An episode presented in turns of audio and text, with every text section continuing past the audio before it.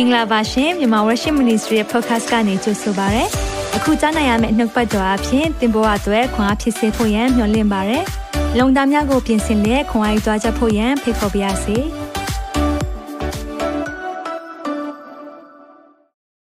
မင်္ဂလာပါရှလုံးမရောက်စီတိုင်းကိုယေရှုနာမ၌ကြိုဆိုပါရစေ ကျွန်တော်ခီးစဉ်မှာအနေငယ်ပင်ပန်းသွားတာဖြစ်တဲ့အတွက်ကြောင့်မလို့ကျွန်တော်နည်းလေးအာနေမကောင်းဖြစ်နေပါတယ်ဒါပေမဲ့မိသားစုတွေအားလုံးကလည်းနှုတ်ပတ်တော်စာငတ်စွာနဲ့စောင့်ဆိုင်နေတဲ့အခါမှာတော့ကျွန်တော်အကောင်းဆုံးဒီနေ့မှာပါဝင်အစီခံသွားဖို့ရန်အတွက်ပြင်ဆင်ထားပါတယ်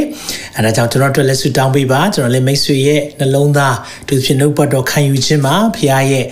စကားပြောခြင်းရရှိဖို့ရန်အတွက်ကျွန်တော်အပြန်အလှန်ဆုတောင်းပြီးတော့ကူညီရအောင်ဆုမတောင်းခင်မှာဝန်ခံနေကြနှုတ်ပတ်တော်လေတစ်ခါလောက်ဝန်ခံရအောင်139ခုမြောက်သောစာလံကျမ်းပိုင်ငယ်105နှုတ်ပတ်တော်သည်ကျွန်ုပ်ခြေရှိမှမိခွက်ဖြစ်၍ကျွန်ုပ်လမ်းကြီးကိုလင်းစေပါတစ်ခါလောက်ဝန်ခံပါအောင်နှုတ်ပတ်တော်သည်ကျွန်ုပ်ခြေရှိမှမိခွက်ဖြစ်၍ကျွန်ုပ်လမ်းကြီးကိုလင်းစေပါ၏ဒီနှုတ်ကပတ်တော်အပြင်ကျွန်တော်တို့ဘာလုပ်ရမလဲဆိုတာဖျားဖွင့်ပြဖို့ခဏလောက်အနံ့ရအောင် အသက်ရှင်သောထာဝရမြတ်စွာသောဘုရားသခင်ကိုရောကိုယေရှုတင်ပါတယ်မြန်မာ worship မိသားစုများနှုတ်ပတ်တော်ခံယူဖို့ရန်အတွက် online မှာသူတို့ရောက်နေကြပါပြီစင်သင်ဖြစ်နေကြပါပြီနှလုံးသားအသီးသီးကိုကိုရောစကားပြောပါသိုးထိန်နဲ့အတူဆိုရက်ဒီနှစ်သွားမဲ့နှစ်မှာသိုးထိန်ရဲ့ဆောင်းမခြင်းတွေလမ်းပြခြင်းတွေနဲ့အတူဒီနေ့အနားယူခြင်းအကြောင်းလဲဒီနေ့ကျွန်တော်ပြောမှာဖြစ်ပါတယ်ဖခင်ရဲ့ပါရှိခြင်းလမ်းပြခြင်းရှိစေပါကိုယ်ကာယအနေနဲ့တော့အားနေပေမဲ့ဝိညာဉ်ထဲမှာ တန်မာဖို့နဲ့ကိုရောရဲ့ဝိညာဉ်တော်လမ်းပြခြင်းကိုအထူးပဲလိုအပ်ကြောင်းဝန်ခံပါတယ်။ဒါကြောင့်တယောက်ချင်းစီတိုင်းသက်တာကိုတော့ကောင်းချီးပေးပို့ဆောင်ပါမိကြောင်းဒီဘာပြောသားရမြတ်သခင်ရှုနာမ၌စက္ကန့်နဲ့ဆုတောင်းပါ၏။အာမင်။ဆိုတော့ဒီနေ့ကျွန်တော်တို့ကျွန်တော်တို့ဘတ်တော်စာလ23ကျွန်တော်တို့ဒီပိုင်းပြီးဒီပိုင်းလေ့လာတာအခုပိုင်း3ရောက်လာပြီဖြစ်တယ်။ပိုင်း1နဲ့2ကအာပြီးသွားပြီ။ဒါကြောင့်ဒီနေ့အပိုင်း3အနားယူခြင်းအကြောင်း ပြောဖို့ဖြစ်တယ်။ဆိုတော့အနားယူခြင်းကအခုချိန်မှာတော့ကျွန်တော်အတွက်တော့အင်မတန်မှအရေးကြီးတဲ့အရာတစ်ခုဖြစ်တယ်။အဲကျွန်တော်တို့အမှုတော်မြတ်သွားတဲ့ခါမှာဒီကနေအာခီးစင်ပေါ့နော်နိုင်ပေါင်း18နိုင်လောက်လေရင်စီးတယ်။ရောက်ရောက်ချင်းပဲတရားဟောရတယ်။ဆိုတော့အိတ်ချိန်ကွာတဲ့ခါမှာကိုအိတ်ချိန်ကိုအိတ်ချိန်မှာ အာတရားဟောနေရတယ်ပြီးရင်တော့အပြီးတော့သူများအိတ်နေတဲ့အချိန်မှာတော့ကိုမအိတ်နိုင်တော့ဘူးပေါ့နော်အဲ့လိုမျိုးနေနေမြမှားနေတဲ့အချိန်တွေမှာပဲပြမှုတော်မြတ်ထင်းမှာအာပါဝင်တဲ့အခါမှာဘာတွားတွေ့လဲဆိုတော့ဖះရဲ့ဆောင်မခြင်းရဲ့ကျွန်တော်ကိုခန္ဓာကိုကိုကာယအားအင်မရှိပေမဲ့ဖះရဲ့မဆာခြင်းအထူးပဲခံစားခုနဆ iam သက်သေခံလို့ပဲသရှင်သောဝိညာဉ်တော်ရဲ့လှုပ်ရှားခြင်းတွေမျက်ဝါးထင်ထင်မြင်တွေ့ရတဲ့အရာတွေဖះကိုပဲချီးမွမ်းခြင်းကုန်ပြုခြင်းအားလုံးပေးပါတယ်အကြောင်းဒီနေ့မှာလည်းနှုတ်ပတ်တော်နဲ့ကျွန်တော်တို့တူတကွခံယူသွားဖို့ရန်အတွက်ရောက်စီတိုင်းကိုဖိတ်ခေါ်ပါရယ်ဆိုတော့ကျွန်တော်တို့2023ခုနှစ်ဆောင်ဖို့အားလုံးမှတ်ပြီးပါလိမ့်မယ်နော်သိုးထိန်နဲ့အတူနော်အကြောင်းဝန်ခံမအောင်သိုးထိန်နဲ့အတူသွားမယ့်နှစ်ဖြစ်တယ်လို့ဝန်ခံပါအောင်အာမင်ဆိုတော့ဆောင်ဖို့ကျမ်းစာလည်းကျွန်တော်တို့ရှိပါတယ်ရှင်ယောဟန်ခရစ်ဝင်ကျမ်းခန်းကြီး30ငွေ20ခွန်ငါသိုးတို့သည်ငါစကားတန်ကိုနားထောင်၍ငါနောက်သို့လိုက်ကြ၏ထိုသိုးတို့ကိုငါသိ၏သခင်ယေရှုပြောတဲ့စကားဖြစ်တယ်ငါသိုးတို့သည်ငါစကားတန်ကိုနားထောင်၍ငါနောက်သို့လိုက်ကြ၏ထိုသူတို့ကိုငါသိ၏ဖျားစကားတန်ကြားပြီးတော့လိုက်ရမယ်နှစ်ဖြစ်တယ်ဆိုတာကိုဖျားကကျွန်တော်တို့ကိုလွန်ခဲ့တဲ့ 2022အောက်တိုဘာလကလေးကစကားပြောထားပြီးသားဖြစ်တယ်နိုဝင်ဘာလမှာကျွန်တော် calendar တွေတော့ရိုက်ပြီးနေပြီဖြစ်တယ်ဒါကြောင့်မလို့ဟိုခုမှကြုံပြီးမှစာလန်23ဟောတာမဟုတ်ပါဘူးဖျားစကားပြောထားပြီးတော့ဒီအရာကိုပြောထားပြီးပြီ2023မှာသိုးထိန်နဲ့အတူသွားမယ့်နှစ်ဖြစ်တယ်ဆိုတဲ့အရာကိုဘုရားရဲ့ဖွင့်ပြခြင်းနဲ့သွားနေတာဖြစ်တယ်ဒါကြောင့်မလို့ဒါကြောင့်ဒီနေ့မှာလဲเนาะသူစာလန်23အကြောင်းကိုလေ့လာသွားမှာဖြစ်တယ်ဆိုတော့အနာယူခြင်းဒါမှမဟုတ်အနာရခြင်း เนาะဆိုတော့အနာယူတယ် rest လုပ်တယ် rest လုပ်တယ်ဆိုတဲ့အရာကအင်မတန်မှအရေးကြီးတယ်ဆိုတဲ့အရာလေးကိုပြောပြချင်တယ်ဆိုတော့အနာယူခြင်းနဲ့ပတ်သက်ပြီးတော့เนาะအနာယူခြင်းဆိုတာဘယ်လိုနားလည်ထားကြလဲအနာယူတယ်အနာယူတယ်ဆိုတာအိတ်ဆက်အနာယူခြင်းစသဖြင့်ပေါ့နော်အာရှိတယ်ဒါပေမဲ့အနာယူခြင်းနဲ့ပတ်သက်ပြီးတော့ဒီကျမရေး ပညာရှင်တွေပြောတဲ့အရာလေးရှိတာပါလဲဆိုတော့အနားယူခြင်းကတကယ်တော့9မျိုးလောက်ရှိတယ်ဆိုတာကိုကျွန်တော်တို့သိရတာပေါ့နော်ဆိုတော့အနားယူခြင်းနဲ့ပတ်သက်ပြီးတော့ကျွန်တော်တို့ဘာတွေရှိသလဲဒါကိုလည်းသိဖို့လိုတယ်နော်ကာယပိုင်းဆိုင်ရာနားယူရမယ်နော်ဆိုတော့ကာယပိုင်းဆိုင်ရာနားယူရဆိုရင်အိတ်ဆက်မယ်ပြီးရင်အာကျွန်တော်တို့တိတ်ဆိတ်စွာနေမယ်စသဖြင့်ပေါ့နော် relax လုပ်မယ်ဆိုတာအာကိုယ်ခန္ဓာမှာလှုပ်ရှားမှုတွေတိတ်မလုပ်တော့ဘဲနဲ့အဲ အေးဆေးလေးနေတာပေါ့เนาะဒါတွေကကာယပိုင်းနောက်စိတ်ပိုင်းဆိုင်ရာအနားယူရဆိုရင်တော့ကျွန်တော်တို့စာဖတ်တာပဲဖြစ်ဖြစ်เนาะဆိုတော့ mental ပိုင်းမှာကျွန်တော်တို့အာစိတ်ပိုင်းဆိုင်ရာနားဖို့လည်းလိုတယ်ခံစားချက်ပိုင်း emotional နဲ့ပတ်သက်ပြီးတော့လည်းအနားယူဖို့လိုတယ်နောက်ပြီးတော့လူမှုပတ်ဝန်းကျင်ဆိုင်ရာနားဖို့လိုတယ်နောက်ဖန်တီးမှုဆိုင်ရာနားရဆိုတော့မတချင်းနားထောင်တာမျိုးเนาะ painting လုပ်တာပေါ့เนาะပကြီးကားဆွဲတာကျွန်တော်ဆိုရင်တော့ music ကြိုက်တယ်ဆိုတော့ music နဲ့ပတ်သက်ပြီးတော့ဖွင့်ထားတာအနားယူတာမျိုးရှိတယ်ဒါဖန်တီးမှုဆိုင်ရာနောက်ဝိညာဉ်ရေးရာဆိုင်ရာမှာလည်းအနားယူဖို့လိုတယ် spiritual เนาะကျွန်တော်တို့အခုလိုနှုတ်ပတ်တော့ခံယူတာဒါလည်းအဝိညာဉ်ရေးရာဆိုင်ရာအနားယူအာယုံခံစားခြင်းဆိုင်ရာနားရဆိုတာဖုန်းမသုံးတာပေါ့နော်ကျွန်တော်ဖုန်းမသုံးတော့ဘူးဒါဘာလို့လဲဆိုတော့အာယုံခံစားတဲ့အရာကိုလည်းနားယူဖို့လိုတယ်ဒါပေမဲ့အဲ့ဒီအနားယူခြင်းနဲ့ပတ်သက်ပြီးတော့ကျွန်တော်တို့ချို့နားလည်မှုလွဲတာလေးတွေချို့ရှိပါတယ်ဆိုတော့အဲ့ဒီအာဒီ နားယူတာနဲ့ပတ်သက်ပြီးတော့ကျွန်တော်တို့နည်းနည်းလေးပေါ့နော်ဟိုဘာကိုပြောချင်တာလဲဆိုတာအရင်ဆုံးပေါ့နော်ရှင်းချင်ပါတယ်ဆိုတော့အနားယူတယ်ဆိုတာအလုတ်လုံးဝမလုတ်တာကိုပြောတာမဟုတ်ဘူးเนาะဆိုတော့တချို့ကအအနားယူတယ်ဆိုတော့ငါတို့ကချင်းလုံးနားနေတယ်ဆိုတော့အနားယူတယ်ဆိုတဲ့အတိတ်ပဲကိုကကိုအလုတ်လုတ်တဲ့သူပဲ လောက်တဲ့အရာဖြစ်တယ်ဟုတ်တယ်နော်အနားယူတယ်ဆိုတာဘာမှမလုပ်တဲ့လူတယောက်သွားကြည့်ပြီးမိမလုံနေလဲဆိုတော့ဟွာလေးနားနေတာဒါဆိုရင်ဘာခုနဘာလုံနေလဲအေးဘာမှမလုပ်တဲ့အခြေအနေရတယ်နားတယ်ဆိုတာအဓိပ္ပာယ်မရှိဘူးလေနော်တယောက်ယောက်ကအလုတ်လုတ်တယ်ဒီလိုအလုတ်လုတ်တဲ့အရာရှိတဲ့အရာကြမှပဲနားတယ်ဆိုတာပေါ်လာတာပေါ့နော်ဒါကြောင့်မလို့အာ ကျမ်းစာကလည်းကျွန်တော်တို့အလုံးလုံးဖို့ပြောတယ်နော်ဆိုတော့တက်တာလောနိဒုတိယဆောင်နော်နှစ်သက်အခန်းကြီး3ငွေ30မှာဆိုဘယ်သို့နည်းဟုမူကတင်တို့နဲ့အတူရှိစဉ်အခါအလုံးမလုံးချင်သောသူမိဒီကအစားကိုလည်းမစားစေနဲ့ဟုဖြစ်နေထားကြပြီဆိုတော့အဲကျမ်းစာဘာပြောဆိုအလုံးမလုံးရင်စားကိုမစားနဲ့လို့ပြောတာဆိုတော့အလုံးလုံးချင်းကဖျားရဲ့အကြံစီထဲမှာရှိတယ် နော်ဆိုတော့ခုနပြောတဲ့အနားယူခြင်းပြောလိုက်တဲ့အခါမှာဟာအလုံးမလို့ရတော့ဟုတ်ထင်တယ်ငါတို့ဘာမှလုပ်ဆရာမလို့တော့ဟုတ်ထင်တယ်လို့ထင်မှာဆိုလို့ဒီနေ့အားလုံးပေါ့နော်ရှင်းရှင်းလင်းလင်းဖြစ်သွားအောင်ပြောပြချင်တယ်အနားယူခြင်းဆိုတာအလုံးလုံးပြီးမှလုပ်ရတဲ့အရာဖြစ်တယ်ဆိုတာကိုသိဖို့လိုတယ်နော်နောက်တစ်ချိန်တည်းမှာပဲအဲကျွန်တော်တို့အလုတ်လုတ်ချင်းကိုပြောတဲ့အခါမှာဟာဆရာရဲ့ဖះကျွေးမိမှာမဟုတ်ဘူးလားဖះက तू အကုန်လုတ်ပြီးမှာမဟုတ်ဘူးလားကျွန်တော်ပြောပြမယ် အေရင်ဥယျင်မှတ်မိတယ်နော်အေရင်ဥယျင်ထဲမှာအာရန်နဲ့အေဝအေဝတော့မရှိသေးဘူးအာရန်ရှိတဲ့အချိန်မှာဖះဘာလုတ်ခိုင်းလဲသိလားသူ့ကိုလေဒီအသီးနှံနေအပင်နေတရိษံတွေကိုနာမည်ပေးခိုင်းတယ်အလုတ်လုတ်ခိုင်းတယ်အပြစ်တရားမရောက်သေးဘူး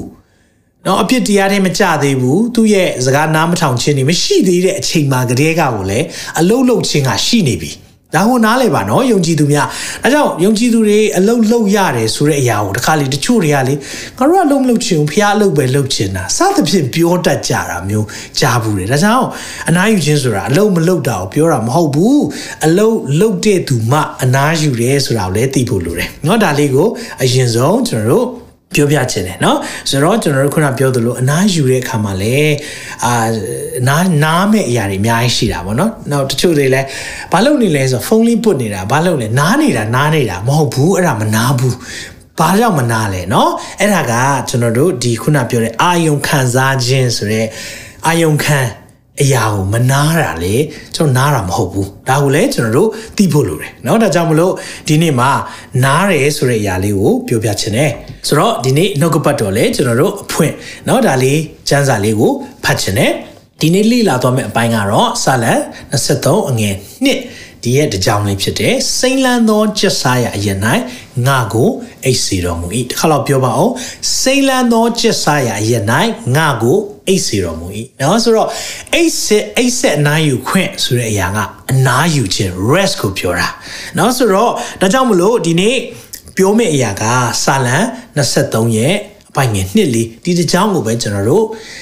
လေ့လာသွားရအောင်เนาะဒါကြောင့်မလို့အနားယူတယ်ဆိုတဲ့အရာမှာဖခင်ကကျွန်တော်တို့ကိုဘာတွေဖြစ်စေချင်တယ်လဲဆိုတော့စာလံ23ကိုကျွန်တော်လေ့လာတဲ့အခါမှာသိကြတယ်စာလံ23ကနာမည်ကြော်ကြားဆုံးစာလံကျမ်းအခန်းကြီးတစ်ခုလည်းဖြစ်တယ်ရေးတဲ့သူကတော့ဒါဝိမင်းကြီးလို့အာပြောကြတယ်ဒါပေမဲ့ဒီရေးတဲ့အချိန်ကတော့တကယ်တော့ तू ကတိုးကြောင်းနေတဲ့အချိန်တော့ရေးတာမဟုတ်ဘဲနဲ့ သူ့သားအဘရှလုံကသူ့ကိုထီနန်းလူဖို့လှုပ်တဲ့အခါမှာသူထီနန်းစွန့်ပြီးတော့တောထဲကိုပြေးရတဲ့အချိန်အဲ့ဒီအချိန်တော့ရေးတယ်လို့အာဒီပညာရှင်တွေကပြောကြတယ်ဆိုတော့ပြောချင်တဲ့သဘောကနော်စိတ်လန်းသောချက်စားရဲ့ရင်နိုင်ငါ့ကိုအိတ်စီတယ်ဆိုတော့ဟာဒါကနားမလည်လိုက်ရင်တော့ဩဆာလန်ဆရာကတော့ဒီအရာတွေပြောတဲ့ချိန်မှာတော့ तू ကအဆင်ပြေတာဗော तू ကဘီရင်မဲလေ तू ကလိုလေသေးမရှိရနေလို့ပြောတာထင်တယ်လို့ထင်ရင်ဒီနေ့မိတ်ဆွေကိုပြောပြချင်တယ်ဆာလန်ဆရာလဲအခြေအနေမကောင်းရေးနေတဲ့အချိန်မှာ तू အခြေအနေမကောင်းသူ့ရဲ့ situation ကောင်းတာမဟုတ်ဘူးဒါပေမဲ့သူ့ရဲ့အာယုံနဲ့သူ့ရဲ့အရာအားလုံးကဘယ်မှာ focus လုပ်လိုက်လဲဆိုတော့ savior ကယ်တင်ရှင်ပေါ်မှာပဲမူတည်လိုက်တာဒါကြောင့်သင်ရဲ့အခြေအနေအခုချိန်ကောင်းချင်ပါကောင်းမယ်နော် မြန်မာပြည်အခြေအနေရဲ့အရာအရာလူတိုင်းကိုရိုက်ခတ်မှုဖြစ်နေတဲ့အချိန်မှာသင်ရဲ့အခြေအနေမကောင်းဘူးခံစားချက်လည်းကောင်းမှာမဟုတ်ဘူးအခုကျွန်တော်လည်းကျမ်းမာရေးမကောင်းဘူးအခုချိန်မှာတော့ဟိုမှာကနှင်းနေကြပြီးတော့ minus 28 30လောက်ရှိတယ်ကျွန်တော်တို့မြို့မှာ plus 30လောက်ဖြစ်တယ်ဆိုတော့ဒီလိုအခြေအနေမှာဖြစ်တဲ့အခါမှာကျွန်တော်အခုချိန်မှာခံစားချက်နောက်လိုက်မယ်ဆိုရင်ကျွန်တော်ဒီအချိန်မှာလုံးဝ ရှိမနိုင်မှာလည်းမဟုတ်ဘူးနှုတ်ပတ်တော်ဝင်ငါခြင်းတဲ့စိတ်လည်းရှိမှာမဟုတ်ဒါပေမဲ့ကျွန်တော်သိတယ်ဒီနေ့ဟောပြောတတ်တဲ့ခံမဲ့အရာကကျွန်တော်ရဲ့ situation ဆိုတဲ့အခြေအနေပေါ်မှာမူတည်တာမဟုတ်ပဲね savior ဆိုတဲ့သခင်ယေရှုပေါ်မှာပဲမူတည်တာဖြစ်တယ်ဒါကြောင့်ဒီစာလံကျမ်းကိုလေ့လာတဲ့အခါမှာအဲ့ဒါလေးကိုခေါင်းထဲမှာမှတ်ထားပေးပါသာရဖျားသည်ငါ့၏တူထိန်ဖြစ်တော်မူ၏လို့သူပြောတဲ့အချိန်မှာဖခင်ကသူ့ကိုဆောင်မပို့ဆောင်နေတယ်သူဖခင်နဲ့ယဉ်နီးရမယ်ဆိုတော့သူ တည်ထားတယ်ငါဒီဆင်းရဲမခံရဖခင်ရှိရဲ့ဖခင်ဟာပြင်ဆင်ပေးတဲ့သူဖြစ်တယ်သူ့အခြေအနေကတော်တော်ဆင်းရဲနေတာအဲ့ဒီအချိန်မှာအမဲ့ तू ကသိတယ်ဖះထဲမှာရှိတဲ့သူကဒီလိုဖြတ်တန်းရတဲ့အခြေအနေမှာဆင်းရဲသွားမှာမဟုတ်ဘူးဖះသိတယ်ဒါကြောင့်ပြင်ဆင်ပေးမယ်ဆိုတာကို तू ယုံကြည်တယ်ဒီနေ့မှာလေစိန်လန်းသောချက်စားရရဲ့နိုင်ငါ့ကိုအိတ်စေတယ်ဆိုတော့ဒီမှာနှစ်ပိုင်းလေးတွေ့လိမ့်မယ်မိတ်ဆွေစိန်လန်းသောချက်စားရရဲ့ဆိုတာဘာကိုပြောတာလဲဖះရဲ့လက်ဆက်ခြင်း ဝါပြောခြင်းဝါပြောဆိုတာကျွေးမွေးခြင်းဒါကိုကျွန်တော်နားလေရတယ်အာမင်အဲကြောင့်ကျွန်တော်တို့ဒီမှာစိတ်လန့်နဲ့ကျက်စားရလို့ပြောတဲ့ခါမှာနှုတ်ကပတ်တော်နဲ့ဘုရားကျွန်တော်တို့ကျွေးမွေးတယ်အာမင်မြန်မာ worship အားဖြင့်ကျွန်တော်နှုတ်ပတ်တော်တွေစားနေရတယ်ဒီအရာကဘာဖြစ်တာလဲကျွန်တော်တို့ကိုဘုရားကကျွေးမွေးနေတာဖြစ်တယ်တစ်ချိန်တည်းမှာပဲငါကိုအိတ်စီတယ်ဆိုတာဘာကိုပြောတာလဲငါကိုအိတ်စီတယ်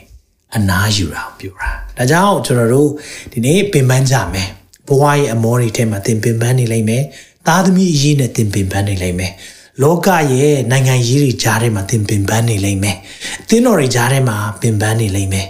ဘလို့ပဲဖြစ်ဖြစ်သင်ရဲ့ပင်ပန်းခြင်းတွေအားလုံးရှိရင်တော့မှဒီနေ့ဖခင်ရဲ့နှုတ်ပတ်တော်ရှိတယ်ဝင်လေး၍ပင်ပန်းတော်သူအပေါင်းငါထံသို့လာကြလောငါသည်ချမ်းသာပေးမယ် I will give you rest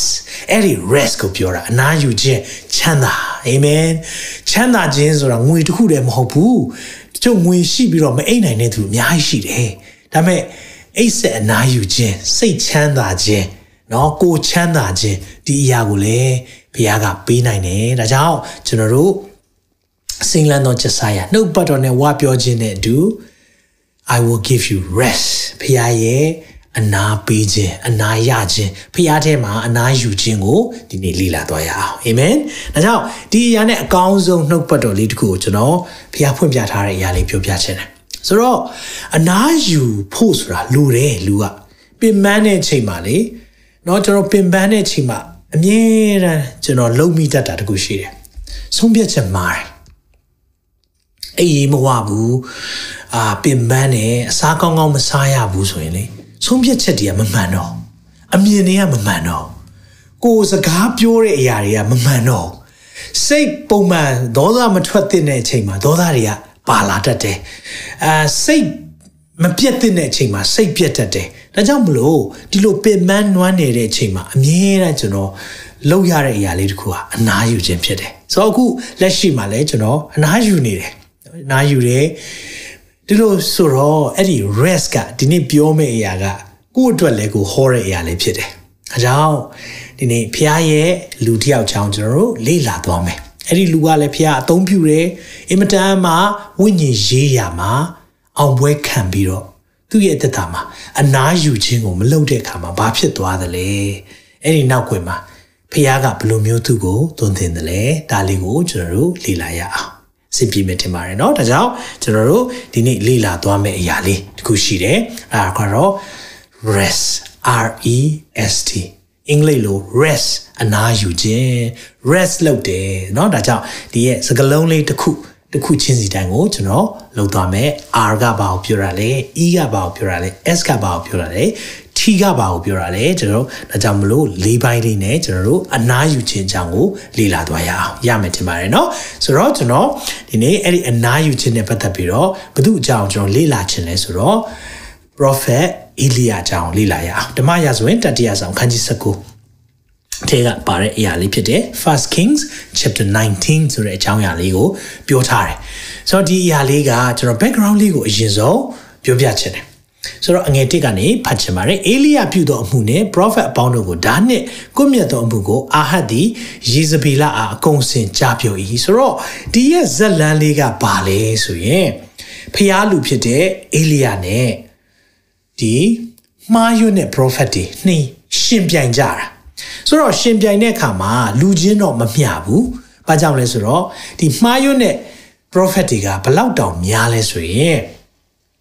ဘာလာ prophet 450ရှိပြီးတော့အာရှရ prophet 400ဆိုတော့စုစုပေါင်း850နဲ့ဖျားလူဖြစ်တဲ့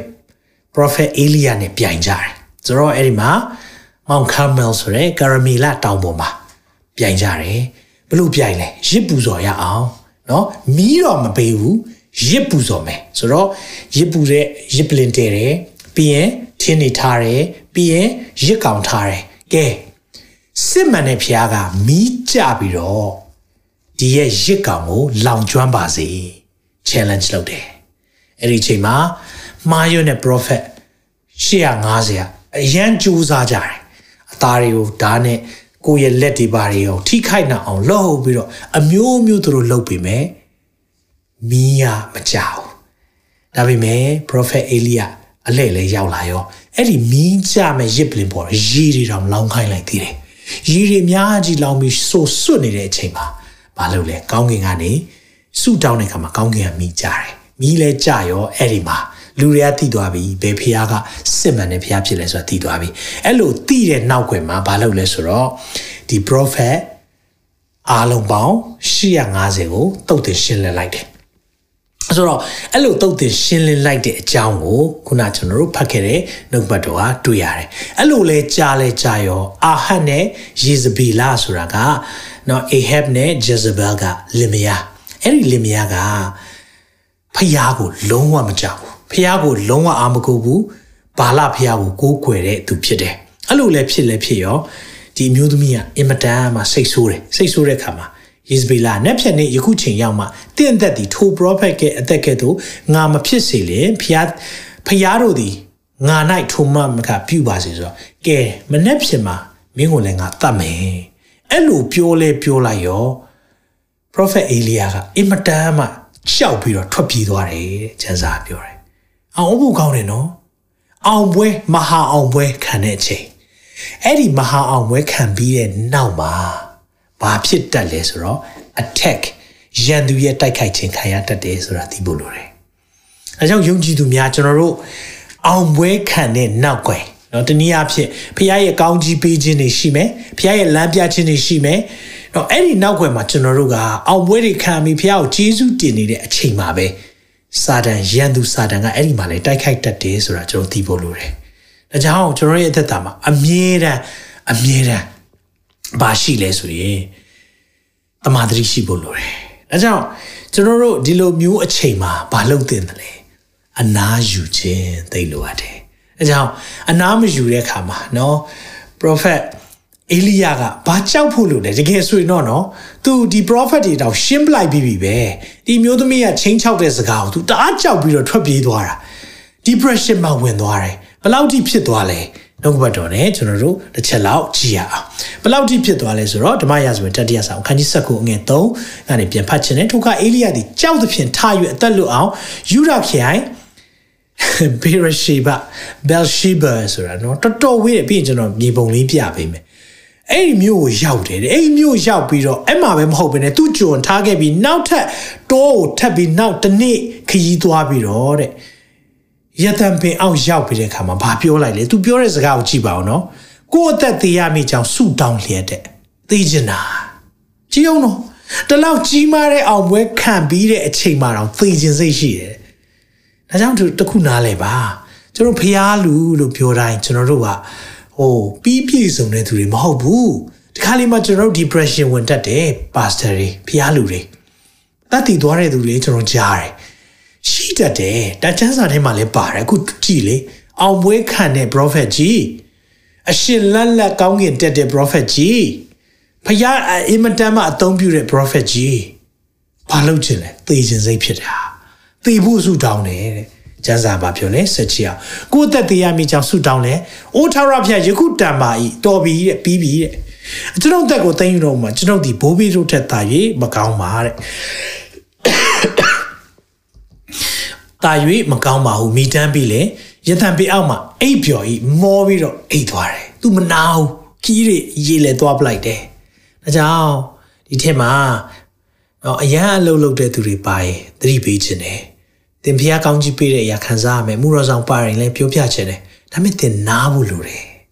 နားယူပါနားလိုက်လို့လူတွေကငါ့ကိုဘာပြောမလဲမသိဘူးဒီဆရာတော့အလုံးမကြိုးစားဘူးဒီလူကတော့ခဏခဏနားနေတယ် ဘလို့ပဲပြောအဲ့ဒါကိစ္စမရှိဘူးသင်သင်ရဲ့ခုနကိုခန္ဓာအနားယူဖို့လိုတယ်အနားယူဖို့လိုတဲ့အရာလေးကိုကျွန်တော်တို့သိဖို့လိုတယ်ဒါကြောင့် तू ကဒီစကားတွေထွက်လာတာမပြောသင့်တဲ့စကားတွေဖះအလိုတော်နဲ့မကိုက်ညီတဲ့စကားတွေပြောလာတာပြောထွက်လာတယ်ဒါကြောင့်နားပါနားတာမကြောက်နဲ့နားဖို့ရန်အတွက်ဖះကသင်ကိုလေဒီနေ့ အလိုရှိတယ်ဆိုတာကိုဒီမှာချမ်းစာရကျွန်တော်လေ့လာသွားရအောင်အာမင်ဆိုတော့အဲ့ဒါလည်းဖြစ်ပြီးတဲ့ခါမှာเนาะဒီမှာကျွန်တော်မြေပုံလေးပြချင်တယ်ဆိုတော့ဒီအပေါ်ဘက်မှာ Mount Carmel ဆိုတာเนาะဒီအာကျွန်တော်တို့မြေပုံရဲ့အပေါ်ဘက်လေးကနေဘလောက်ထိသူကထွက်ပြေးလိုက်လဲကြည့်ပါဦး Bel Belsheba ခုနအာမြို့လေးပေါ့နော် Beersheba မြို့အဲ့ဒါပြီးတော့တိုးထဲတောင်ထွက်ပြေးတယ်ဒါမဲ့ဖီးယားကအဲ့ဒီအချိန်ထိတောင်မှသူ့ကိုလိုက်ပြီးတော့စကားပြောတယ် ကျွန်တော်နှုတ်ပတ်တော်နဲ့ကြည်အောင်ဒါကြောင့် rest ပထမဆုံး R ရဲ့အရာကဘာလဲဆိုတော့ renew အသစ်ပြုပြင်ပါကျွန်တော်တို့ခုနပင်မန်းတဲ့အခါမှာစကားတွေကမှားကုန်ပြီဖျားရှိမှမပြောတဲ့အရာတွေကပြောမိကုန်ပြီနော်ဖျားတတ်လိုက်ပါတော့ပြီးပြီတော်ပြီမလုပ်ချင်တော့ဘူးကိုရောမှုတော့လည်းမဆောင်ချင်တော့ဘူးအဲ့ဒီပြောမိတဲ့အရာတွေရှိတယ်ဆိုရင်အသစ်ပြုပြင်ပါျုပ်စကားတွေကအသစ်ပြုပြင်ပါမယ်ဒီမှာဒါကြောင့်မလို့ယောမစနစ်ထဲမှာဗာပြောလဲဆိုတော့အငယ်နှစ်မှာသင်တို့ဒီလောကီပုံသဏ္ဍာန်ကိုမဆောင်ကြနဲ့ကောင်းမြတ်သောအရာနှစ်သက်ဖွယ်သောအရာစုံလင်သောအရာတည်းဟူသောဖျားသခင်အလိုရှိသောအရာတည်းအဘယ်အရာကိုသင်နိုင်ဖျားလိုတော့သိဖို့လိုတယ်ဖျားလိုတော့သုံးပိုင်းရှိတယ်ကောင်းမြတ်တဲ့အရာရှိတယ်နှစ်သက်တယ်ဆိုတာနော်လက်ခံလို့ရတဲ့အရာရှိတယ်စုံလင်တယ်ဆိုတာ perfect good acceptable and perfect will of god ဒီအရာတွေရှိတယ်ဆိုရင်တဲ့ဘာလုပ်ရမလဲဒါတွေသိဖို့တဲ့စိတ်နှလုံးကိုအသစ်ပြင်ဆင်ပါ renew your mind ကျွန်တော်စိတ်နှလုံးဘလို့အသစ်ပြုပြင်လဲဘုရားနှုတ်ကပတ်တော်ကပဲကျွန်တော်တို့ပြင်ပေးတာဘုရားရဲ့နှုတ်ကပတ်တော်ရပြီးတော့ပြုပြင်သွားတဲ့အသက်တာရှိလာပြီဆိုရင်ခုနဘုရားအဲ့ဒါပြောစီချင်တာမှမဟုတ်တာတင်းအတွက်အကြံစီတွေကြီးမားစွာရှိတယ်ဒါကျမ်းစာကပြောတာလေဟုတ်တယ်နော် ခုနှစ်ကြိမ်လဲသွားရင်တော့မဖះထူမှမယ်ဒါချမ်းစာပြောတာဒါမဲ့အနာမယူတဲ့အခါမှာပင်ပန်းတဲ့အခါမှာအောင်ပွဲတွေခံပေမဲ့ဘာဖြစ်လာလဲစာတန်းလည်းတိုက်တယ်အဲ့လိုတိုက်တဲ့အခါမှာသိကျင်တယ်တော်ပြီမနေကျင်တော့ဘူးမိတ်ဆွေဖះကိုရှေ့မှာအဲ့ဒီစကားပြောမိတယ်ဆိုရင် renew လုပ်ပါကိုယ့်ရဲ့စကားလုံးတွေ renew အသစ်ပြုပြင်လိုက်စကားအသစ်တွေပြန်ထွက်လာဖို့လိုတယ်အာမင်စိတ်နှလုံးကိုပုံသဏ္ဍာန်အသစ်ပြုပြင်ပါတဲ့အာမင်ဒါကြောင့်ကိုရော ဘာလို့တော့ရှိလဲကိုရောဘာလို့တော့ရှိလဲသိချင်ကျွန်တော်တို့ရဲ့ကိုယ်စိတ်နှလုံးသားတွေကအရာတွေပြင်ဖို့လိုတယ်ပြောတတ်တယ်ကျွန်တော်လဲစကားတွေကမှားကုန်တယ်စိတ်မဆိုးသင့်မဲနဲ့ပြောမိတာတွေရှိတယ်မဆူသင့်မဲနဲ့ဆူမိတာတွေရှိတယ်မဟောက်သင့်မဲနဲ့ဟောက်မိတာတွေရှိတယ်ပုံမှန်ဆိုပြောပြမှာမဟုတ်ဒါမဲ့ပင်ပန်းနွမ်းရတဲ့အခါမှာဘာဖြစ်လာလဲဒါပဲဒီလိုဖြစ်လာရင်ဘုရားကကျွန်တော်တို့ကိုဒီနေ့မှာနှလုံးသားတွေပြန်ပြုပြင်ဖို့လိုတယ် အကြောင်းစိတ်နှလုံးဖះလိုတော့ပါရှိလေသိကြတယ်စိတ်နှလုံးဖះတန်မကြတော့ဘူးလေမကြတဲ့အခါမှာပြောချင်တာတွေပြောမိကုန်ပြီဒါကြောင့် rest လုပ်ဖို့လိုတယ်ဆိုတာကိုနံပါတ်1နားလည်အောင်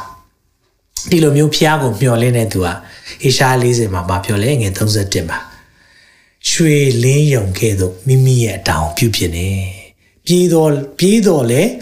မမပင်ပန်းခီးသွားတဲ့ခါလည်းမမောရအောင်ကျွန်တော်တို့မှာဖခင်ရဲ့ဂရုတော်ရှိတယ်အဲကြောင့်ဖခင်ကိုမျှော်ကြည့်ရအောင်နော်ဖခင်ကိုမျှော်ကြည့်တဲ့လူတွေကပြန်ပြီး renew ဖြစ်တယ်ဒါကြောင့်မလို့ရွှေလင်းယုံတွေကသူတို့ပင်ပန်းပြီးတော့အိုအိုမင်းနေတဲ့ချိန်မှာသူတို့အမြင့်ဆုံးကြောက်တောင်တစ်ခုမှပြန်ပြီးတော့သူတို့ဘာမှမလုပ်တော့သူတို့ရဲ့ကိုယ်ခန္ဓာမှာအမွှေးတွေကျွတ်နေတဲ့အရာတွေသူတို့နှုတ်သီးတွေထူသွားတဲ့အရာတွေလက်သေးတွေကမကောင်းတော့တဲ့အရာတွေရှိတယ်ဒါပေမဲ့သူတို့ဘာလုပ်လဲနေကိုကြည့်တယ် အဲ့ဒီချိန်မှာဘာမှမလုပ်တော့နေကိုပဲကြည့်တယ်ပြောချင်တာပါလဲ look to the sun s o n ဒီနေ့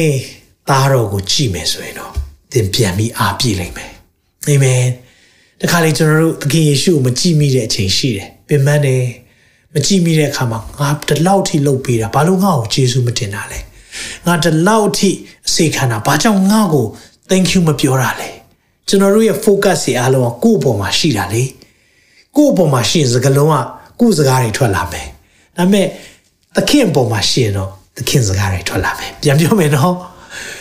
ကိုယ့်ရဲ့အာယုံနေ focus ဆရာကိုယ့်အပေါ်မှာရှိရင်တော့ကိုယ့်စကားတွေထွက်လာလိမ့်မယ်ဒါပေမဲ့ကိုယ့်ရဲ့ focus ကသခင်အပေါ်မှာရှိနေတော့သခင်စကားတွေထွက်လာလိမ့်မယ် hallelujah ဒါကြောင့်သခင်ကိုစိတ်စိတ်ကြည့်ရှုရအောင် renew လုပ်ပါလို့ပြောချင်တယ်အဲ့ဒါပြီးရင်ကျွန်တော်ဘာလုပ်မလဲ eat စားပါเนาะတခါလေကျွန်တော်တို့ကစားဖို့လိုတယ်ဆိုတဲ့အရာကိုလည်းသိဖို့လိုတယ်နော်ဆိုတော့စားပါအေလိယကိုဒီနေ့ကောင်းကင်မှာနှစ်ခါတောင်ကျွေးတယ်နော်နော်ပြန်ကြည့်တဲ့အခါမှာသူကအိပ်ပျော်သွားတဲ့အခါမှာနော်ဓမ္မရာဇဝင်တက်ရရောက်19အငယ်6မှာအေလိယဒီမျောကြည့်တော့အခါဒါဒါပထမတစ်ခါစားပြီးပြန်အိပ်ပျော်သွားတာပြီးရင်ပြန်နှိုးတယ်ကောင်းကင်မှာမိနစ်ဖုတ်တော်မုံပြားနဲ့ခေါင်းရင်း၌ရေဘူးရှိသူမြင်စားတော့ပြီးမှတဖန်အိပ်ပျော်တယ်တဲ့အဲ့ဒီမှာ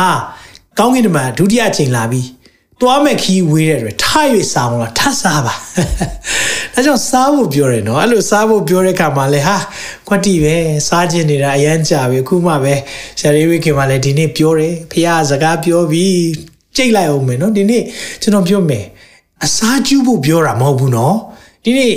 ဟိုလုံလောက်တဲ့အာဟာရရှိဖို့စားဖို့ပြောတာနော်တခါတည်းပဲတခါတည်းချုပ်ဖို့လိုတယ်မဟုတ်ရင်ကျွန်တော်တို့ဟာ အာကွက်တီပဲစားမယ်နော်စားမယ်ဆိုတာကြီးပဲဟုတ်လားမိုးလင်းကလေးအောင်စားမယ်ဆိုတာကြီးပဲကျွန်တော်တို့အဲ့ဒီဟိုဟိုကိုကိုကာယမှာ လိုအပ်တဲ့အာဟာရအတွက်စားဖို့ပြောတာဒါကြောင့်ကျန်းစာတစ်ပိုက်လည်းတစ်ခါတည်းပေးလိုက်မယ်နော်ဖျားရဲ့စကားတန်ကြားဖို့လုပ်ရမယ့်အရာတွေရှိဖို့စားခိုင်းတာနော်ဒါပေမဲ့ကျွန်တော်တို့ဟိုကိုစားခြင်းတဲ့အရာတွေမတည့်တဲ့အရာတွေအစီစိတ်နေအဲ့ဒါတွေစားဖို့မဟုတ်ဘူးနော်ကိုကာယအတွက်ခွန်အားလူတဲ့အရာပဲစားဖို့ဖြစ်တယ်ဆိုတာကိုပြောချင်တာ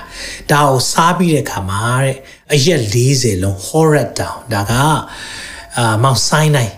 နော်တိနာတောင်ပဲနောက်နာမည်တစ်မျိုးနဲ့ခေါ်တာဖြစ်တယ်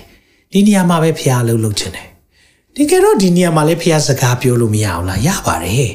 ဒါပေမဲ့တခါလေကြာရင်ဖះအလုပ်လုပ်တဲ့နေရာလေးရှိတတ်တယ်အဲ့ဒီနေရာကိုသွားဖို့လိုတယ်အဲ့ဒီနေရာကိုသွားမဲ့အဲကြောင့်တချို့တွေကလေ online ကနေနားထောင်တာကောင်းပါတယ်ဒါပေမဲ့ဖះကလေကိုကိုသွားခိုင်းတဲ့နေရာရှိရင်သွားပါနော်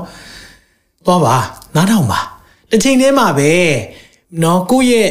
အဲအသင်းတော်မှာပဲဖြစ်နေရာတစ်ခုမှာပဲဖះလုံးမလို့ဖះတန်မကြောက်ဆိုရင်လည်း ဖះတန်ကြားမဲ့နေရာကိုကိုယ်တိုင်သွားနော်သွားနော်အဲ့ဒီနေရာသွားဖို့လိုတယ်သွားမှပဲဖះတန်ကိုကြားမှာဒါကြောင့်မလို့စားပါနော်လက်ဆက်တဲ့ဖះရဲ့နှုတ်ကပတ်တော်တွေစားပါလက်ဆက်တဲ့အစားအသောက်ကျန်းမာရေးအတွက်ကိုခါရအတွက်လိုအပ်တဲ့အရာတွေစားပါအဲ့လိုစားဖို့လိုတယ်ပြီးရင်ကျွန်တော်တို့နောက်တစ်ခုက sleep အိပ်ပါเนาะ rest ရဲ့နောက်တစ်ခုကအိပ်ပါအဲကြောင့် ဒီကျမ်းစာမှာဗာပြောလဲဆိုတော့ခုနစားတော့ပြီးတဲ့ခါမှာတစ်ဖက်အိပ်ပျော်သွားတယ်တဲ့အေလီယာအဲ့ဒီချိန်မှာခီးဝေးလို့တဲ့အခါမှာထစားပါအောင်တဲ့ထ၍စားတယ်တဲ့ဆိုတော့အိပ်ဆက်အနားယူခြင်းလဲတအားရေးကြည့်တယ်နော်တမန်ကျမ်းစာဗာပြောလဲ သုတ်တန်3ငွေ24မှာအိတ်သောအခါကြောက်เสียမရှိရအကောင်းမွန်စွာအိပ်ပျော်ရလိမ့်မည်လျင်မြန်သောဘေးနှင့်လူဆိုးတွေ့တတ်သောဖြစ်စီရာဘေးကိုကြောက်เสียမရှိရအကြောင်းကထာဝရဘုရားသည်တင်ယုံကြည်ကိုးစားရဖြစ်၍တင်ဤခြေကိုမကြော့မိစေခြင်းကစောင့်မတော်မူလိမ့်မည်အာမင်အိတ်ဆက်နာယူခြင်းတခါလေကျွန်တော်တို့စိုးရင်တတ်တယ်เนาะကျွန်တော်ဆိုလဲ plan လုပ်တဲ့လူဖြစ်တဲ့ခါမှာเนาะခိုင်းထားတဲ့အလုပ်တွေမပြီးတဲ့အရာတွေရှိရင်လည်းဘာဖြစ်တာလဲเนาะအလုပ်တွေ မပြီးဘူးကိုယ်တိုင်လည်းအလုပ်တွေမပြီးဘူးဆိုရင်တော့နည်းနည်းပပတော့ဟိုအိတ်ဆက်နာယူခြင်းမှာအနောက်ရှက်ဖြစ်တယ်ဒါပေမဲ့ကျွန်တော် learning လုပ်ရတယ်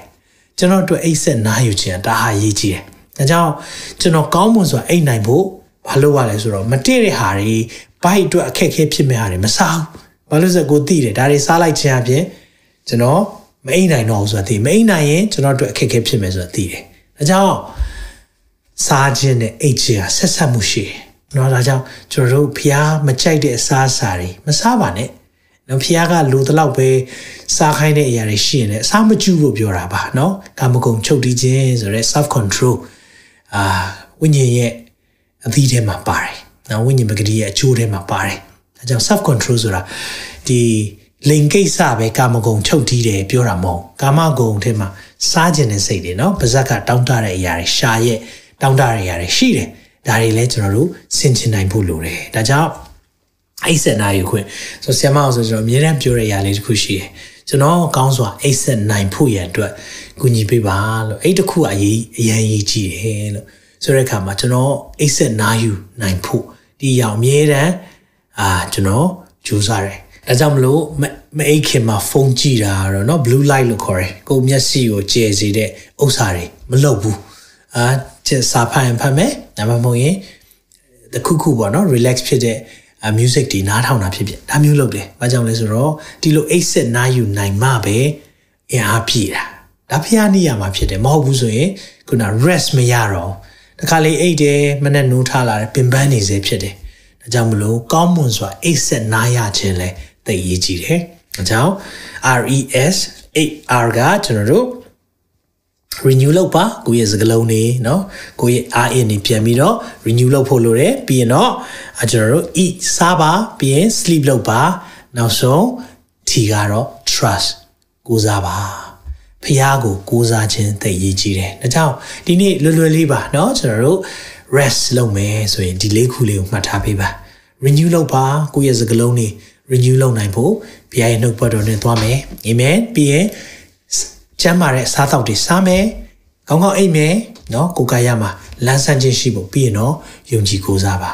ဒီမှာတွေ့တဲ့အခါမှာဖះကလေစကားပြောဖို့ရက်ပေါင်း40ထပ်ပြီးသွားခိုင်းတယ်ဟောရာတောင်ဆိုတဲ့မောင်ဆိုင်နိုင်တိနာတောင်ရောက်သွားတယ်အဲ့လိုရောက်သွားပြီးတဲ့အခါမှာမှဖះစကားပြောတဲ့အရာရှိတယ်ဖះကဒီအေလိယကိုလှုပ်ခိုင်းတဲ့အရာ၃ခုရှိတယ်အဲ့ဒီဖះအတန်ကို तू မကြားတော့ဘူးရှင်။ အဲကြောင့် तू ပင်ပန်းတယ် depression ဝင်တယ်သေခြင်းစိတ်ရှိတယ်။ဒါပေမဲ့ဖះကြံစီကမပြီးသေးဘူး။ဒီနေ့လည်းတင့်ကိုပြောချင်တယ်။ဖះကြံစီတင့်မှာထားတာမပြီးသေးဘူးနော်။အာမင်။တင့်မှာဖះထားတဲ့အကြံစီတွေရှိသေးတယ်။အဲကြောင့်ပင်ပန်းနေနားလိုက်ပါခဏနားလိုက်ပါ။နားလိုက်ပါအလုံးချောင်းပင်ပန်းနေခဏနားလိုက်ပါဖះကျွေးမွေးမယ်ယုံကြည်ပါ။ဒီချိန်ထဲမှာပဲဖះကိုဒီနေ့ကိုးစားရအောင်။အာမင်။ဖះကိုကိုးစားခြင်းသိရေးကြည့်တယ်။ ဖះအတန်ကြားနိုင်မှုသူရက်ပေါင်း40ပြန်ထသွားတယ်သွားတဲ့အခါမှာဖះသူခိုင်းနေရ၃ခုရှိတယ်အဲ့ဒီ၃ခုကျွန်တော်ပြောပြချင်တယ်တစ်ခုကပါလဲဆိုတော့အမဓမ္မရာဆိုရင်တတိယဆောင်ခန်းကြီးကိုငယ်15နဲ့16မှာတွေ့ရတယ်ဟာဇေလဆိုတဲ့တယောက်ကိုရှုရိရှင်ပြည်အရာမှာဗိသိက်ပြီးပြီးတော့ခန့်ပါဟာဇေလကိုရှုရိရှင်ပြည်ခန့်တဲ့နောက်တစ်ယောက်ယေဟုကိုကြတော့အေးဒေလရှင်ပြည်အရာမှာခန့်ပါတဲ့ဗိသိက်ပြီးပါတဲ့ နောက်ဆုံးတစ်ယောက်ကြတော့နောက်ဆုံးတစ်ခုကြတော့အေလိရှေနစသောဗိသိက်ခံမဲ့တယောက်နော်အေလိရှေကိုတင့်ကိုစားဆိုမြင်းရဲ့နေရာမှာ prophet အရာမှာခံပါတဲ့ဒီသုံးခုဘုရားကနောက်ဆုံးခိုင်းလိုက်တယ်ဒီသုံးခုသူလောက်ရတယ်ဘုရားကြံစီမပြီးသေးဘူးဒါမဲ့သူဝန်ခံမှုမှားတဲ့ခါမှာဘုရားဒီထက်ဆက်သုံးလို့ရတယ်ဝန်ခံမှုမှားတယ်သိခြင်းစိတ်ရှိတယ်မနာဘူးပေါ့သူပင်ပန်းနေတဲ့ခါမှာဘုရားနောက်ဆုံးအစားထိုးလိုက်တယ်အေလိရှေရှိလာတယ်ဆိုတော့ ဒါကြောင့်မလို့ဖះအတန်ကြားနိုင်ဖို့ကဘာလို့လဲဆိုရင်မိတ်ဆွေနားပါအာမင်ဖះအတန်ကြားနိုင်ဖို့ဘာလို့ဖို့လို့လဲအနာယူပါဒီနေ့လက်ဆက်ဝပြောတဲ့အစားအသောက်များနဲ့ဖះကျွေးမွေးခြင်းနဲ့သူထင်းကဆောင်းသွားခြင်းနဲ့ဒါကြောင့်စိန်လန်းသောချက်စားရရနိုင်ငါကိုအိတ်စေတယ်ဖះပို့ဆောင်ပါတရားတိုးဖြစ်နေဖို့လိုတယ်နော် တိုးဖြစ်ရင်တော့တိုးထင်းရတဲ့ကိုဆောင်းမသွားမယ်ခေါ်သွားလိုက်မယ်လက်ဆက်တဲ့အစာတောက်တွေနဲ့အနားယူရဖို့အနားရဖို့ဘုရားပြင်ဆင်လိုက်မယ်ဒါကြောင့်ဘုရားရဲ့နှုတ်ကပတ်တော်စားတဲ့သူဘုရားထဲမှာအနားရခြင်းရှိတယ်ပြန်ပြောမယ်နော်ဖခင်ရဲ့နှုတ်ကပတ်တော်ဝါစွာစားသုံးတဲ့သူဖခင်ရဲ့အနာရခြင်းအမြင်ရှိတယ်အဲ့နှစ်ခုဆက်ဆက်နေတယ်စားသုံးခြင်းနဲ့အနာရခြင်းအစားနဲ့အနာယူခြင်းအမြဲဆက်ဆက်တယ်ဖျားနှုတ်ကပတ်တော်မစားထားတဲ့သူ ဖျားနှုတ်ကပတ်တော်အမြဲတမ်းမသုံးဆောင်တဲ့သူဘယ်တော့မှအနာမရအောင်ပင်ပန်းနေတယ်အမြဲတမ်းမောနေတယ်တခုခုကိုရှာဖွေနေတယ်ဒါပေမဲ့ဖျားနှုတ်ကပတ်တော်ကြားပြီးတော့ဖျားနှုတ်ကပတ်တော်ရသွားပြီးဟေးဆိုတဲ့သူဖျားနှုတ်ပတ်တော်နဲ့ဗိုက်ပြည့်တဲ့သူအမြဲတမ်းအနာရခြင်းရှိတယ်ဒါကြောင့်မလို့စိန်လန်းသောကျဆာယာယ၌ငါကိုအိတ်စေတယ်အာမင်။ကြောင့်မိတ်ဆွေကိုလည်းဒီနေ့ပြောပြခြင်းတယ်။သင်အနာမရဘူးပင်ပန်းနေတယ်ဆိုရင် ဒီနေ့ဖခင်ရဲ့နှုတ်ပတ်တော်နဲ့ချိန်ယူပါ။ဖခင်ရဲ့နှုတ်ပတ်တော်ဝါစွာစားပါ။စိတ်နှလုံးကိုတည်ပြုပြလိမ့်မယ်။သင်ကိုပြန်လည်၍လန်းဆန်းခွင့်ပေးမယ်။ eat လုပ်ပါစားပါ sleep လုပ်ပါပြီးရင် trust ဖခင်ကိုကိုးစားပါဖခင်လမ်းပြမယ်ဖခင်စကားတန်သင်ကိုပြောမယ့်အရာတွေရှိနေသေးတယ်။ then rest သေချာနာရဖို့ဖခင်ရှင်ပူဆောင်ပါစေ။ဝင်လေးနေလားပြမနေလားကျွန်တော်ဆုတောင်းပေးခြင်းတယ်။ဖခင်ကဂတိပေးထားတယ်။ လူကဘာပြောလဲလူသားလာပါပြဿနာယူမလာနဲ့။လူတွေကပြဿနာကိုမဖြေရှင်းခြင်းဘူး။ဒါပေမဲ့ဖခင်ကဘာပြောလဲဝင်လေးနေလားပင်ပန်းနေလားငါထန်လာပါငါချမ်းသာပေးမယ်။လူရောပြဿနာကိုလာခဲ့ပြဿနာပါယူလာခဲ့ငါစီလာ။ငါတို့ပြဿနာတွေအားလုံးမယူလာနဲ့ဖြေရှင်းပြီးမှငါစီလာအဲ့ဒီဖခင်မဟုတ်ဘူး။ကျွန်တော်တို့ဘယ်လောက်ချစ်လဲ။လူကိုပြဿနာကိုယူလာပါလေးလံခြင်းတွေဝင်ထုတ်တွေယူ လာပါဖခင်ဖြည့်ရှင်ပေးမယ်အာမင်ကိုရောဒီနေ့မှာကိုရောထဲမှာအနာရခြင်းအတွက်ကျွန်တော်တောင်းလျှောက်ပါတယ်ကျွန်တော်ပြင်ပန်းပါတယ်လူ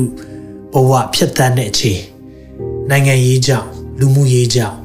ဖက်ဖက်ကနေကိုရောပြင်ပန်းခြင်းတွေရှိပါတယ်ကိုရောသားသမီးတွေကိုနှုတ်ကပတ်တော်ဝပြောရတဲ့အခွင့်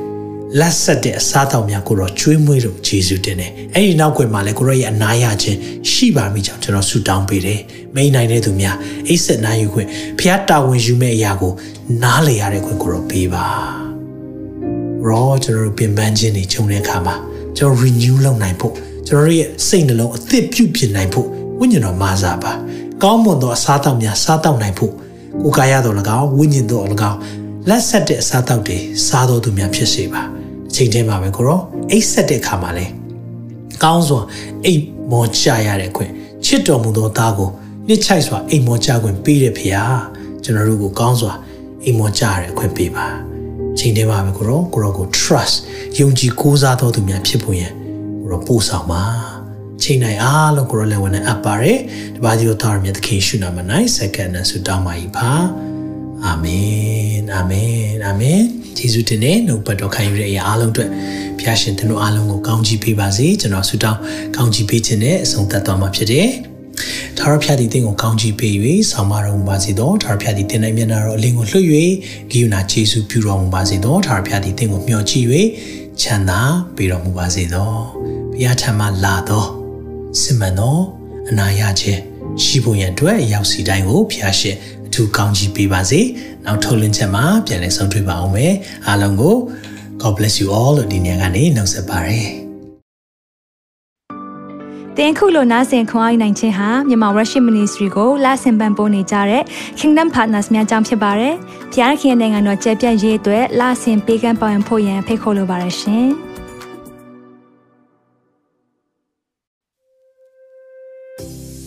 အခုကြားနာခဲ့ရတဲ့နှုတ်ပတ်တော်အဖြစ်ခွန်အားရရှိမဲ့လို့ယုံကြည်မျှော်လင့်ပါတယ်။ခွာရရဆိုလို့ရှိရင်ဒီတစ်ပတ်နဲ့ပြန်လည်ဝင်မြပေးဖို့ရန်တောင်းဆိုပါရစေ